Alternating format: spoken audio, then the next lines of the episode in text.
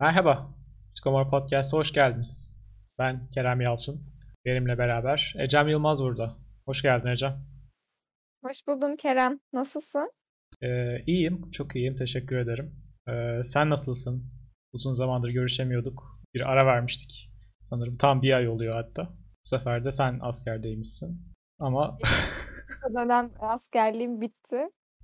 Ee, bir süpervizyon sürecim vardı. Yani daha doğrusu hani yeni bir süreç değil de süpervizyon sürecim tamamlandı. Onun bitirilmesiyle ve raporlanmasıyla uğraşıyordum.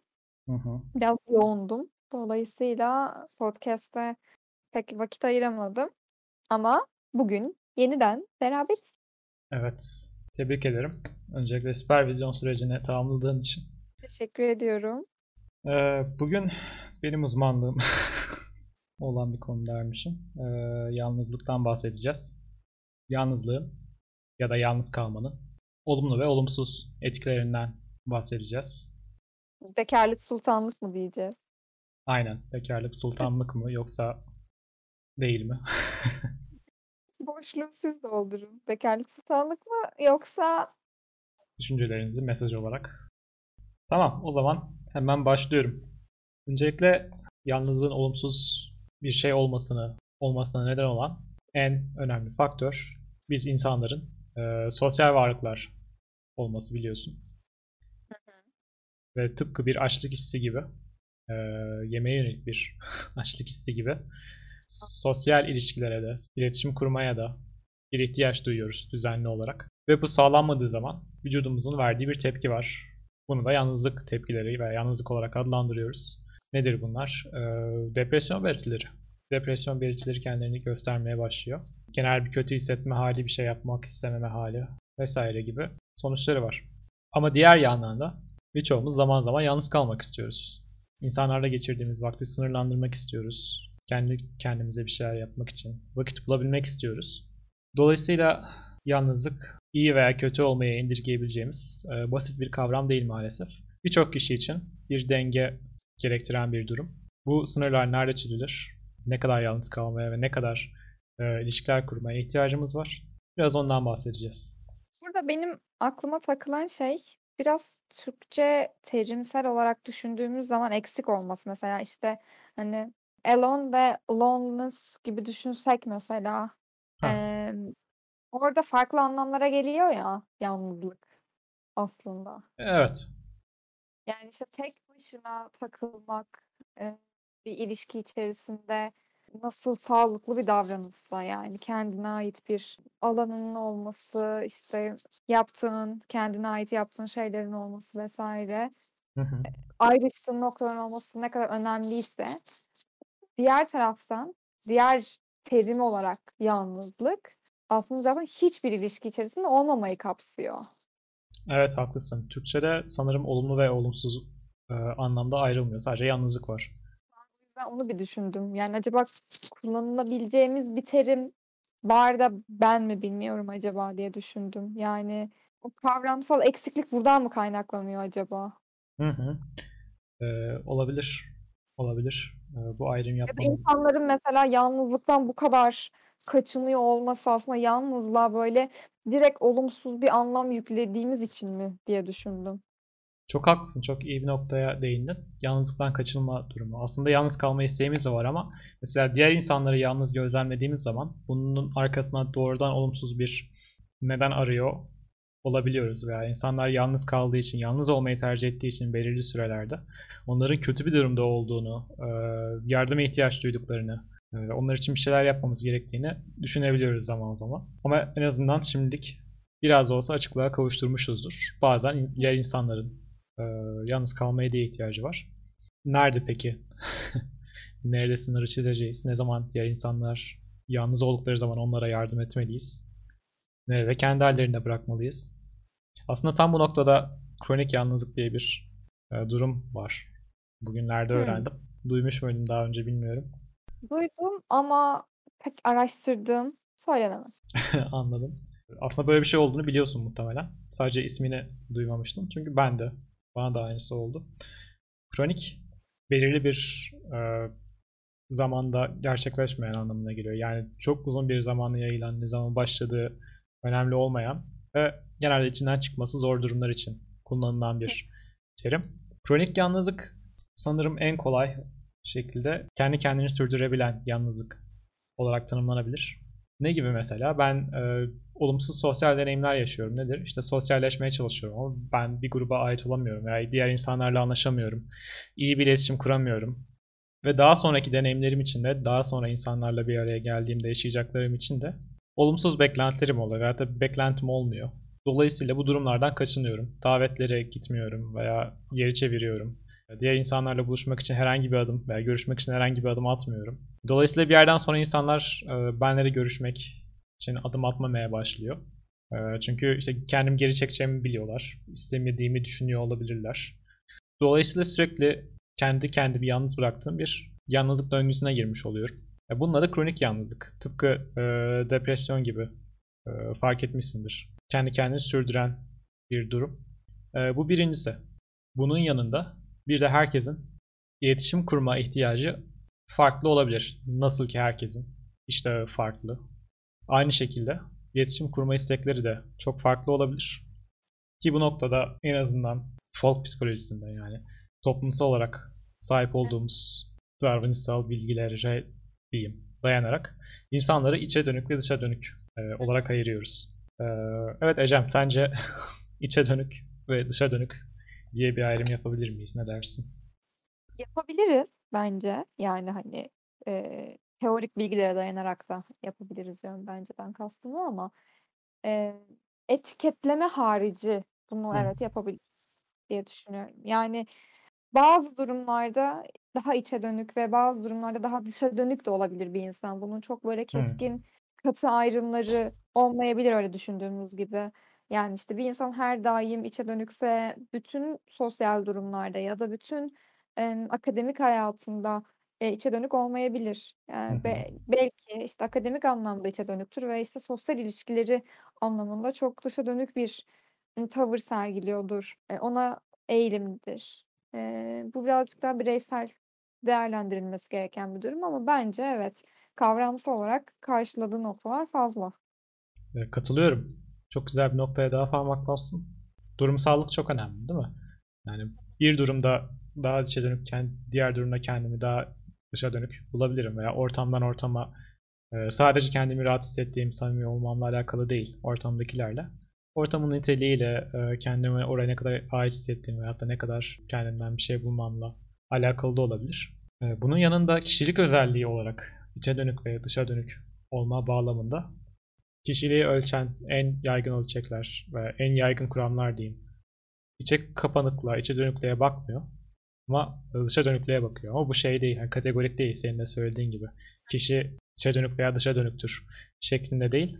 Ne kadar dışa dönüktür şeklinde ama sanırım e, başka ölçümlerle, başka kuramlarla e, içe dönüklük olarak da ölçüm yapan ölçekler var. Dolayısıyla bu kavramlar tanımlaması zor biraz hani e, psikolojik olarak. E, tamamen hangi açıdan baktığınıza bağlı, hangi kuramdan yola çıktığınıza veya hangi bağlamda bunlardan bahsettiğinize bağlı olarak e, yeni anlamlar kazanabiliyor. Buradan çıkaracağımız bazı insanlar daha içe dönük veya dışa dönük olsa da veya bu kavramlardan bilimsel olarak bahsetmemiz mümkün olsa da doğrudan insanları bu kategorilere indirgemek bu özellikleri olumlu veya olumsuz anlamlar yüklemek çok sağlıklı değil. Kişinin e, ne kadar yalnız kaldığı ile ilgili olarak ruh sağlığının nasıl etkilendiği tamamen onunla alakalı bir durum. Dolayısıyla neden bahsettik? Birincisi kişi kronik yalnızlık çekiyor mu, çekmiyor mu? İkincisi ihtiyaç duyduğundan daha fazla mı yalnız kalıyor? E, bundan yola çıkarak e, kişilerin içinde bulundukları yalnızlığın onlar için iyi mi veya kötü mü olduğunu çıkarmak mümkün. Sen kronik yalnızlık deyince benim kafamda iki tane terim belirdi. Hı. Terim de değil aslında ama artık işte kalıplaşmış kalıplaşmış terim diyebiliriz gerçi ama Terimleşmiş kavram mı diyelim. Neyse. Çok ben uzatmayalım. söyleyeyim bu kategoride sene. Aynen. Birincisi müzmin bekarlık. Efendim? Müzmin Müzmin. Müzmin bekarlık. Müzmin Diğerisi bekarlık. aynen. Anladım. Müzmin. Tamam. Müzmin Bekarlık. Söyleyemedim mi? Ben anlamadım. Müzmin bekarlık işte. Yo sen söyledin. Ben anlamadım. Yani Ha. evet. Ee, diğeri. Diğeri de ıssız adam. Issız adam. Aynen. Tamam. Ee, o zaman müzmin bekarlıktan başlayalım. Issız adam biraz daha tanıdık geldi. İkisinin benzer noktaları, benzeştiği daha doğrusu noktalar var bence ama müzmin bekarlık birazcık daha böyle bana böyle kronik flört durumu gibi geliyor. Ha. E, çok iyi. Yani işte ilişki devam ediyor. İlişkiler içerisinde olunmaya devam ediliyor. Hı hı. Ama bir em, sonuca bağlanılmıyor. Bunda hani şey de olabilir tabii ki işte evliliğe ilişkin ya da ilişkinin sürdürülmesine dair başka kaygılar, korkular vesaireler olabilir. Onları ayrı tutarak söylüyorum bunu. Sadece hani flört içinde olmaktan, bundan besleniyorlar gibi geliyor. Yani böyle bir durumu sürdürüyorlar. Burada da bir sürdürme durumu var. Burada da Anladım. işte flört, flörtün sürdürülüyor olması var gibi. Anladım. Bu sonuca bağlanma meselesini bir e, nasıl bir açalım bir. Nasıl bir sonuca? Ne evlilik falan mı? Bundan mı bahsediyoruz? Yok yani. İlişkinin evrilmiyor olması diyelim. Hani illa her ilişkinin sonu evlilik olacak diye bir kaydı tabii ki yok. Ama hani ilişkiler de değişir, dönüşür, evrilir ve işte Ha. katmanlaşır ya. Bu hani daha çok dediğim o hani flört tamam romantik ilişkilerin o sevgililik dönemi tamamını kapsıyor flört dediğimizde ama bu daha çok hani en başıymış gibi işte daha böyle hani canım cicim ayları falan diye tabir ettiğimiz Ha. kısımda kalmayı tercih eden taraflar gibi. Hani o yüzden kronik flört diyorum ben ona. Anladım. Bu şeyin yani biz şimdi neyiz aşamasının ilerisine hiçbir zaman geçilmeyen. Aynen ben, ben bu şekildedir falan gibi söylemiyorum. Bunu bana çağrıştırdığını söylüyorum sadece. Ee, Anladım. burada da ama kişi şeyden mutlu. İşte bekarlık sultanlıktırı bunlar kullanıyorlar. Bunlar şey gibi oldu böyle. Çok karanlık bir örgütten bahsediyormuşuz gibi. Bekarlar. Öyle. İlişkim var ya bekarları sallıyorum. Aynen aynen. Rahat ol. Yeni öğrendiğim kavramdan bahsetmek istiyorum ben de. Ya bu bekarlık kavramıyla ilişkili olarak bir araştırma yapıyordum. Ee, o yüzden bekarlarla alakalı bir araştırma yapıyordum. Hı. Şöyle bir şey buldum. Türkiye'ye de anladığım kadarıyla Türkçe'ye de çevrilmiyor açısından sanırım. 2017 civarında bir bekar danışmanlığı kavramı gelmiş. Aa. Evet. Yani duyunca çok saçma geldi işin özünde ama temeli çok iyi. Yani hani buna saçma diyebilecek hiç kimsenin o, olmaması gerektiğini düşündüm. Ee, bir hocamızın aslında teorisinden uyarlanarak gelen bir e, terimden bahsediyorum. Burada Çiğdem Kağıtçıbaşı'nın kendisine yani saygı duymayan yoktur diye düşünüyorum. Hı hı. Onun özellik kavramıyla ilişkili işte e, özellik ve ilişkisel bekarlık diye tanımlanan bir em, danışmanlık modeli varmış. Özerk ilişkisel benlik modeli diye bir kavramından uyarlanmış bu bekar danışmanlığı. Ee, bekar danışmanlığı modeli daha doğrusu. Hı hı. Özellikle ilişkisel bekar danışmanlığı modeli diye geçiyor. Bir uzmanlık ve bir çalışma alanı olarak ortaya sunulmuş ve iki ana amaç doğrultusunda ilerliyor. Birincisi kişiyi evlilik ve aile hayatını hazırlamayı planlıyor. Hı hı. Diğeri de, diğer amacı da kişiye bireysellik ve işte o özellik duygusunu kazandırmaya yönelik çalışmak. Aslında biz bu işte bireysellik ve özellik e, kazandırmayı zaten hani psikoterapilerde sağlıyoruz. Bu iki amaç doğrultusunda kurulan ve uygulanan bir sistemmiş. Türkiye'de ne kadar kullanılıyor şu an, ne kadar yaygın bilemem. Dediğim gibi hani sadece teori üzerinden okudum ben ama Hı hı. alanda bu şekilde yani bu isimle çalışan var mı bilmiyorum açıkçası. Anladım. Yani bunun amacı şu. Ben mesela şimdi müzmin bir bekarsam ve evlilik aşamasına geçmek gibi bir isteğim varsa ama buna hazır hissetmiyorsam bu terapiyi alıyorum ve bir aile erkeğine dönüşmeye doğru gidiyorum. Doğru mu anladım? Sanırım öyle olması gerekiyor. Yani hani temel amaçladıkları şey bu. Yani sen ama işte evlenmek istiyorsan ya da işte bir aile hayatı kurmak istiyorsan olabilecek bir şey. Müzmin bu arada süreyen demek yani Türkçesi. Süreyen. O da kronik demek yani aslında hani Ha, tamam ne düşün? Kronik Tamam. bekarlık. O zaman ben de süreyen yalnızlık demişim gibi düşünelim. O zaman bir de ıssız adamdan bahsedelim. Çünkü müzmin bekarlık, süreyen bekarlık tanımım benim ıssız adam tanımımdı. Ama sen ıssız adam diye yeni bir şey attın ve nedir bu ıssız adam ve nedir farkı müzmin bekarlıktan? Dediğim gibi benzeyen yönleri var. Ancak şöyle bir nokta var. Issız adamı biz işte peçinden bağlanan kişilerle özdeşleştiriyoruz aslında. Ha, Bağlanma, burada özetleyeceğim şekilde e, erken dönemde, bebeklik döneminde e, bebeğin e, ona bakım veren kişiyle arasında kurduğu bağdır hı hı, diyebiliriz. Nasıl olduğunu, nasıl kurulduğunu bizim e, ileriki dönemlerimizdeki ilişkilerimizi yorduyor.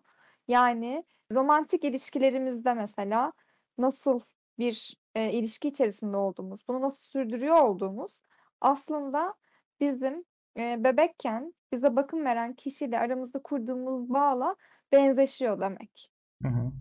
Ama tabii bir yandan da bunlar değiştirilip dönüştürülebilen şeylerdir. Dolayısıyla hani bu öğrenilebilen bir şey olabilir daha sonrasında. Yani bu bağlanmayı fark ettiğimiz zaman, ilişkilerimizde tekrar eden o durumları fark ettiğimiz zaman, kavramları fark ettiğimiz zaman ya da işte ilişki içerisindeki durumları fark ettiğimiz zaman bunları değiştirmek için bir adım atabiliyoruz ve bunda hani başarılı olabiliyoruz. Dolayısıyla daha sonrası için bir seçim vardır diyebiliriz. Ama eee, çoğunlukla ne öğrendiysek, nasıl bağlandıysak onu sürdürme eğilimindeyiz. Yani e, çocukluğumuza veya erken deneyimlerimizde yaşadığımız e, bağlanmalar veya e, güvensizlikler kaderimiz olmak zorunda değil. Ancak e, Kaderimizin büyük bir çoğunluğu. evet büyük bir çoğunluğu ve nereden başladığımıza hayatta karar vermede çok etkili anladığım kadarıyla. Issız adamlık mevzusuna geldiğimiz zaman da kaçıngan bağlanan Hı, kişilerden bahsediyoruz. Temelde çocukluğumuzda kurduğumuz bağlanma stillerimiz e, üç kategoriye ayrılıyor. Güvenli bağlanma, kaçıngan bağlanma ve kaygılı kararsız bağlanma diye hı, ayırt ediyoruz. Bunlar ileride yani işte yetişkinlik döneminde romantik ilişkilerimizi ele aldığımız zaman işte yine güvenli, kaygılı, korkak kaçıngan ya da direkt kaçıngan e, olarak dörde ayrılıyor. hı hı, E, güvenli bağlanma, kaygılı kararsız bağlanma ve kaçıngan bağlanma türleri dediğimizi biraz açtığımızda güvenli bağlanan çocukları işte bebekleri düşündüğümüzde burada ebeveynlerinin uzak kaldıkları zaman işte hissettikleri huzursuzluğun e, bakım veren kişi işte ebeveyni e, tekrar bir araya geldiği zaman tekrar yanına geldiği zaman ihtiyaçlarını doyurmaya başladığı zaman o huz- huzursuzluklarının işte o mutsuzluklarının vesairenin normale döndüğünü gözlemliyoruz ve kendileri daha güvende hissedip işte daha bağımsız hareket etmeye e, yöneliyor oluyorlar. Ama e, kaygılı kararsız bağlananları ele aldığımız zaman işte onlar ebeveynlerinin o yanında olsalar dahi huzursuz olduklarını gözlemliyoruz. Çünkü orada bir dengesizlik hali mevcut. Yani e, ya bazen ilgisine cevap veriyor e, aile, bakım veren, bazen vermiyor. İşte dolayısıyla bu istikrarsızlık içerisinde, bu kararsızlık içerisinde kaldığı için e, çocuk da bilemiyor ve yaşadığı bu güvensizlik duygusunda huzurlu bir ortam yaratamıyor ve çevreyi keşfetme noktasında işte ne yapacağını şaşırıyor. İşte kaçınmacı bağlanan dediğimiz çocuklarda ise direkt e, ebeveynlerinden yani o bakım verenlerden kaçma davranışları olduğunu gözlemliyoruz. Yani işte onlarla beraberken de beraberken bile iletişim kurmadıklarını işte ya da a- ebeveynleri odadan gittikleri zaman ağlamadıkları em, ya da bir araya tekrar bir araya geldikleri zaman herhangi bir temas içerisinde olmadıklarını e, vesaire gözlemliyoruz ve bunların ileriki yaşamlarında romantik ilişkileriyle baktığımız zaman benzeştiğini görüyor oluyoruz. Bu işte kişinin ilişkilere dair bakış açısını aslında bize birazcık sunmuş oluyor. Bağlanmanın ikili ilişkilerde, bu yakın ilişkilerdeki en önemli noktası işte bu bağlılığın ve yakınlığın nasıl kuracağına ilişkin bir bize bilgi veriyor olması. O güvenli bölgenin neresinde olduğuna bakıyor kişi işte eğer öğrendiği nokta güvenli bağlanma şeklindeyse ilişkilerinde yine kendi bireyselliğini, eee, koruyarak, karşı tarafın bireyselliğine saygı göstererek ve daha sağlam bir ilişki modelinde ilerliyorken, diğer taraftan kaygılı bağlanan olduğu vakitte, işte, benzer şekilde ilişkide terk edileceğine dair bir korkusu tetikleniyor olabiliyor ve onu tutmaya çalışırken bu sefer, eee, bir anda fazla yakınlık kurmaya çalıştığı için karşı tarafı bu sefer şaşırttığı için kendisinden uzaklaştırabiliyor gibi dinamikleri görebiliyoruz. Ama kaçıngan bağlananlarda da bunun tam tersi bir şekilde bağlılık kurma konusunda bir isteksizlik var. İşte, insanlarla mesafe koymak istiyor. Çünkü biliyor ki, işte, eee, bebekliğinde öğrendiği gibi, hani, bir bir süre sonra bakım verenden uzaklaşacak ya da bakım veren ona onun ihtiyaçlarını doyurmayacak. Dolayısıyla o da bunu öğrendiği için ilişkilerinde bu yakınlık seviyesine gelmek istemiyor ki, hani, eee, kendisi de bir yara almasın ve, işte, üzülmesin ya da, işte, bir ilişkiye bağlandığı zaman ondan ayrılmak zorlamasın gibi gibi birçok faktörle beraber, emm, ilişkiden ka kaçınıyor. Bağ kurmaktan kaçınıyor, yakınlıktan kaçınıyor. Dolayısıyla bu ıssız adamlık mevzusunda da bu hem, eee, biraz manipüle edilen bir terim, filmden kaynaklı manipüle edilen, işte, yani, hani, Hı hı. "Ben ıssız adamım ya." falan gibi bir etiketlemeyi benimsemek ve onu sevmek ve onu sürdürmekle alakalıyken bir yandan gerçek anlamda da ıssız adamlığın, eee, o kaçıngan bağlanan kişileri birazcık tanımladığını ya da, işte, bu şekilde tanımladığını söyleyebiliyoruz. Anladım. Güzel. Eee, bağlanmayla ilgili bölümü de aradan çıkarmış olduk. O zaman yani ıssız adamlar veya ıssız bireyler diyelim artık 2021'e geldik. Tabii, yani, ıssız adam dememizin sebebi film, eee, Evet. biliyor olmamız yani. Evet. Tamamen öyle. Yoksa tabii ki sadece erkekler mi kaçıngan bağlanıyor? Tabii ki hayır ya da, işte, kendisini erkek cinsiyetine tanımlayanlar mı? Hayır Tamam. diye. Eee, ıssız bireyler genellikle bağlanmayla ilgili bazı kaygıları veya zayıflıkları mı diyeyim, yani bağlanmayla ilgili sebeplerden dolayı yakın ilişkiler kurmakta zorlanıyorlar veyahut da tercih etmiyorlar ve bağlanmanın, yakın ilişkiler kurmanın olumsuz deneyimlere neden olacağıyla ilgili bazı kaygıları ve beklentileri var. Ancak, eee, süreyen bekârların öyle bir özelliği olmak zorunda değil, yalnızca tercih etmiyorlar. Ben böyle ayrıştırdım ama ıssız bireylik, eee, teoride daha önce duyduğumuz bir kavram. Yani, hani, eee, evet, filmden sonra daha çok kullanılmaya başlanan ya da, işte, filmle beraber ortaya çıkan bir kavram olmasının dışında, hani, şu an bunu bunu ilk defa konuşan kişi ben değilim bir yandan da yani, Anladım. Yo, ben ilk defa filmde duydum zaten. Hani, film çıkmadan önce de öyle bir filmden sonra bence zaten, yani, bu Evet. etiketlenmeyi sevme durumu, filmin manipülasyonu mu diyeyim artık, hani, o sevildiği için de birazcık bu kadar yükseldi. Sevildi Ya, mi işte gerçekten ya? Bence Ben herkes nefret etti o o adamdan. Film de zaten sanki biraz taraflıydı. Hani, ne bileyim, böyle, ya, çok klasik şeylerle bitti ya. İşte, "Ben seni üzerim." Öyle mi bitmişti? Öyle hatırlıyorum ama. Yani, "Sorun sende değil, bende." Bile ayrılmışlardı. İşte, "Ben bağlanamıyorum." falan. Ben Birisi bağla sürdü. Aynen. Ya, adamın Ya, ciddi bir aynen. problemi var. Adam, değil mi, yani, çocukluğunda kim bilir neler yaşamış. Yani, adam orada kötü adam oldu. Neyse, eee, güzel. O zaman sanırım müzmin bekâr ile ıssız birey arasındaki tanımı da, eee, açıklayabildik diye umuyorum. Peki neden yalnızlıktan bahsettik? Eee, çünkü 2020'nin Hı. inanılmaz yalnız olduğumuz bir senenin sonuna geldik hepimiz için, sene birçoğumuz için. Bir sonraki sene yine yalnız. A, neden? Pandemi bitti de ben mi bilmiyorum. Yani, biter herhâlde ya seneye. Aşı falan da bulundu.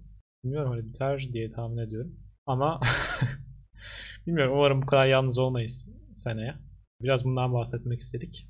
Biraz bu yalnızlık bireysel güçlendirme de kazandırdı diye düşünüyorum ama ben, yani, yalnızlıkla baş etme noktasında, işte, hiç kendisiyle yalnız kalamayan ya da, Hı. işte, bu fikirden çok uzak olan insanların aslında kendileriyle kalabildiklerini de gördükleri bir durum. Yani, yine Hı. o yapamayanlar, yine bunda zorlananlar tabii ki olabilir ama en azından, hani, yapacak başka hiçbir çare yokken, yani, sokağa çıkma yasağı varken, hele o mart döneminden bahsediyorsak, yani, hani, ful hani, kapandığımızı düşündüğümüz vakitlerde tek başına yaşayan evde insanları düşündüğümüzde kendinlesin, baş başasın, yok yani hani ve bir şey yapmak ihtiyacı da geldi. Ha bu bazı noktalarda çok daha kişiyi zorlayıcı şeylere döndü. Onları açmayacağım Evet. ama bir yandan da işte ne bileyim kendi başına eğlenebilmeyi, kendini oyalayabilmeyi, bir şekilde kendisine ilişkin paylaşımlar yapabiliyor olmayı öğrenmesini sağladı ve bu aslında bir anlamda kişiye psikolojik sağlamlık kazandırdı, dayanıklılık kazandırdı, esneklik kazandırabildi. Evet. Eee, hani bunları tabii ki herkes de bu şekilde olmuştur ya da herkes de aynı şekilde ilerlemiştir diyemeyiz ama, eee, bir noktada da bunların bu şekilde bir işlevi olduğunu söyleyebiliriz. Evet haklısın. Güzel bir noktaya değindin yine. Her ne kadar ben çok da bir adım attığımı düşünmüyorum bu konuda ama kendini geliştirdiğini düşünen varsa yalnız kalmak konusunda Ya alışmakla da alakalı olabilir, bilmiyorum ya da ben kendim bireysel deneyimime ya pandemideki bireysel Evet. deneyimime değil de normal zamanda tek başına hareket etmeyi seven ve işte yalnızlıktan rahatsızlık duymayan biri olarak işte ne bileyim tek başıma sinemaya gider ve tek başıma yemek yiyen bir insan olarak birçok kişi için belki hoşuna gitmeyen bir aktiviteyken Evet. hani sıklıkla yaptığım ve işte bundan da keyif aldığım bir şey olduğu için sanırım hani yalnızlık kavramının sosyal izolasyon demek istemiyorum buna. Çünkü hani o anlamda bir yalnızlıktan bahsetmiyorum ama işte hani tek başınalıktan Evet. bahsetmek istiyorum. Onu yapabildiğim için herhalde bana birazcık da bu yönünün varlığını görebilmemi sağladı diye Anladım. düşünüyorum. Bu benim kendi bireysel yorumum yani. Yok kesinlikle katılıyorum ya. Eminim bu süreçte yaşadıklarıyla alışkanlıklarının arasında büyük zıtlıklar olan bireyler için eminim çok geliştirici bir deneyim olmuştur. Diğer yandan da alışkanlıkları zaten bu zorluklarla mücadele edebilecek veya daha iyi mücadele edebilecek bireyler için tabii ki çok daha farklı bir deneyimde. O kadar e, bir şeyin değişmediği belki de bir deneyimde. Ama her durumda kendi adıma da söyleyeyim. Çok zor bir süreç oldu. Kesinlikle yani benim için de öyleydi. Hani bu şey değil. Pandemiden ne kazandım işte kendimi Evet. güçlendirdim, çok rahat ettim. Toksik pozitiflik. Aynen bö- böyle bir şey değil yani hani oturup hani ben de ne olacak benim bu halim işte ya da bu ülkenin hali, bu dünyanın hali falan deyip oturup ağladığım işte saatlerce tavana bakarak yattığım tabii ki oldu yani hani bütün hayatımı aktif ve verimli geçirmek Evet. gibi bir ha, i- böyle bir kaygı da oluştu etrafta. Çünkü görüyorsun mesela işte sosyal medyada yine aynı o toksik pozitiflikteki gibi işte insanlar ben bugün şunu yaptım işte yok bugün ekmek challenge yaptık yok bugün işte o zaman şu verimli aktivite yaptık planları kurduk falan derken ben bir bakıyordum işte o sırada tezimle uğraşmam gerekiyor ama yani hani oturup bir makaleyi hani e, PDF dosyasını bilgisayarda açmaya üşenen ve işte hani ona dair hiçbir motivasyonu olmayan biri olarak uzun bir süre devam ettim yani ama işte bu da normal. Evet. çünkü yani kimsenin beklemediği, kimsenin buna daha önceden nasıl baş edileceğine ilişkin bir fikrinin olmadığı, buna dair daha önce bir deneyimi olmadığı bir süreç içerisine girdik. Dolayısıyla herkesin bunu alış biçimi de, bunu işte kendisinde yorumlama biçimi de ve bununla baş etme biçimi de çok değişti. Ha tabii belli bir noktadan sonra işte alışma sürecinin gecikmesi ya da işte adaptasyonun artık hani adaptasyona bir direnç oluşturmak, bu işte pandemiye karşı bir direnç oluşturmak evet görece daha sağlıksız bir tutum olarak değerlendirilebilir belki ama bunu da anlayabiliyorsun. Niye direnç gösterdiğini de görebiliyorsun işte. Kabul etmese belki kendisini daha iyi hissedecek, bununla daha iyi baş edeceğini düşünüyor falan gibi birçok noktadan değerlendirilebilir. Ama yani evet zor bir süreçti yapabileceğimiz hiçbir şey yok ve ben de hani ne kadar yalnız kalmayı seviyor olmak işte evde vakit geçirmeyi seven biri olarak yani ki kendimi ev kuşu olarak tanımlarım da yani. Yani nefret ettim evden. Hani gerçekten ama yani yapacak hiçbir şey yok ve hani evde bir şeyleri sürdürmek zorundasın. Evet çok haklısın. Çok çok iyi anlıyorum seni. O halde yavaşça toparlayalım. Nelerden bahsettik? Yalnızlığın sosyal canlılar olmamızdan geldiğinden bahsettik. Ee, bu sosyallik ihtiyacının karşılanmamasının bir sonucu olduğundan bahsettik. Ee, şunun vurgusunu yaptık. Bazı bireyler daha e, fazla sosyalliğe ihtiyaç duyarlar, bazıları daha az ihtiyaç duyarlar. Ve bu ayrıma yönelik olarak bireyleri içe dönük, dışa dönük olarak tanımlarız ama e, tabii diğer yandan da bu e, katı bir kategorileştirme olarak çok doğru değil ve e, biri olumlu bir diğeri de olumsuz e, diyemeyiz. Bununla beraber kronik yalnızlık diye bir durumun da olduğundan bahsettik. Hani zaten yalnızlık depresyonla benzer belirtilere sahiptir ve benzer şekilde kendini sürdürür dedik. Kronik yani süreyen yalnızlık da benzer şekilde kendi kendine sürdürülebilen bir yalnızlıktır dedik. Ee, biraz bekarlık sultanlık mı? Ondan bahsettik. Çok içine girmedik bu konunun. Başka bir bölüme biraz daha inceleriz. Ama bu bağlamda özellikle yalnızlığı tercih eden e, iki tipik bireyden bahsettik. Biri müzmin bekar, süreyen, süreyen bekar. Diğeri de ıssız birey olarak olarak geçiyordu. Issız bireylerin bağlanma şekillerinden dolayı belirli davranışlar sergilediğini söyledik. İlişkilerde kaçınma davranışına yöneldiğinden bahsettik. Ve daha sonra pandemi sürecinde yalnız kalmanın hepimiz için bir kişisel büyüme süreci e, olmuş olmuş olabileceğinden bahsettik ki hepimiz daha önceki alışkanlıklarımıza göre farklı şekillerde etkilenmiş veya farklı miktarda büyüme göstermiş olabiliriz. Ama istisnasız olarak neredeyse hepimiz için zor bir dönemde ne kadar hazırlıklı olsak veya olmasak da. Bunları ele aldık. Programla ilgili, yalnızlıkla ilgili veya uzmanlıklarımızla ilgili sorularınızı info.psikomor.com adresinden bize ulaştırabilirsiniz veya e, kişisel hesaplarımızdan bize ulaşabilirsiniz sosyal medyada. Bunun yanında Psikomor hakkında daha fazla bilgiyi psikomor.com adresinden elde edebilirsiniz. Ve Psikomor'u Facebook, Twitter, Instagram ve LinkedIn'de Psikomor adıyla e, bulabilir ve takip edebilirsiniz. Bizi dinlediğiniz için çok teşekkür ederiz. Çok teşekkürler. Kendinize iyi bakın. Bir sonraki bölümde görüşmek üzere.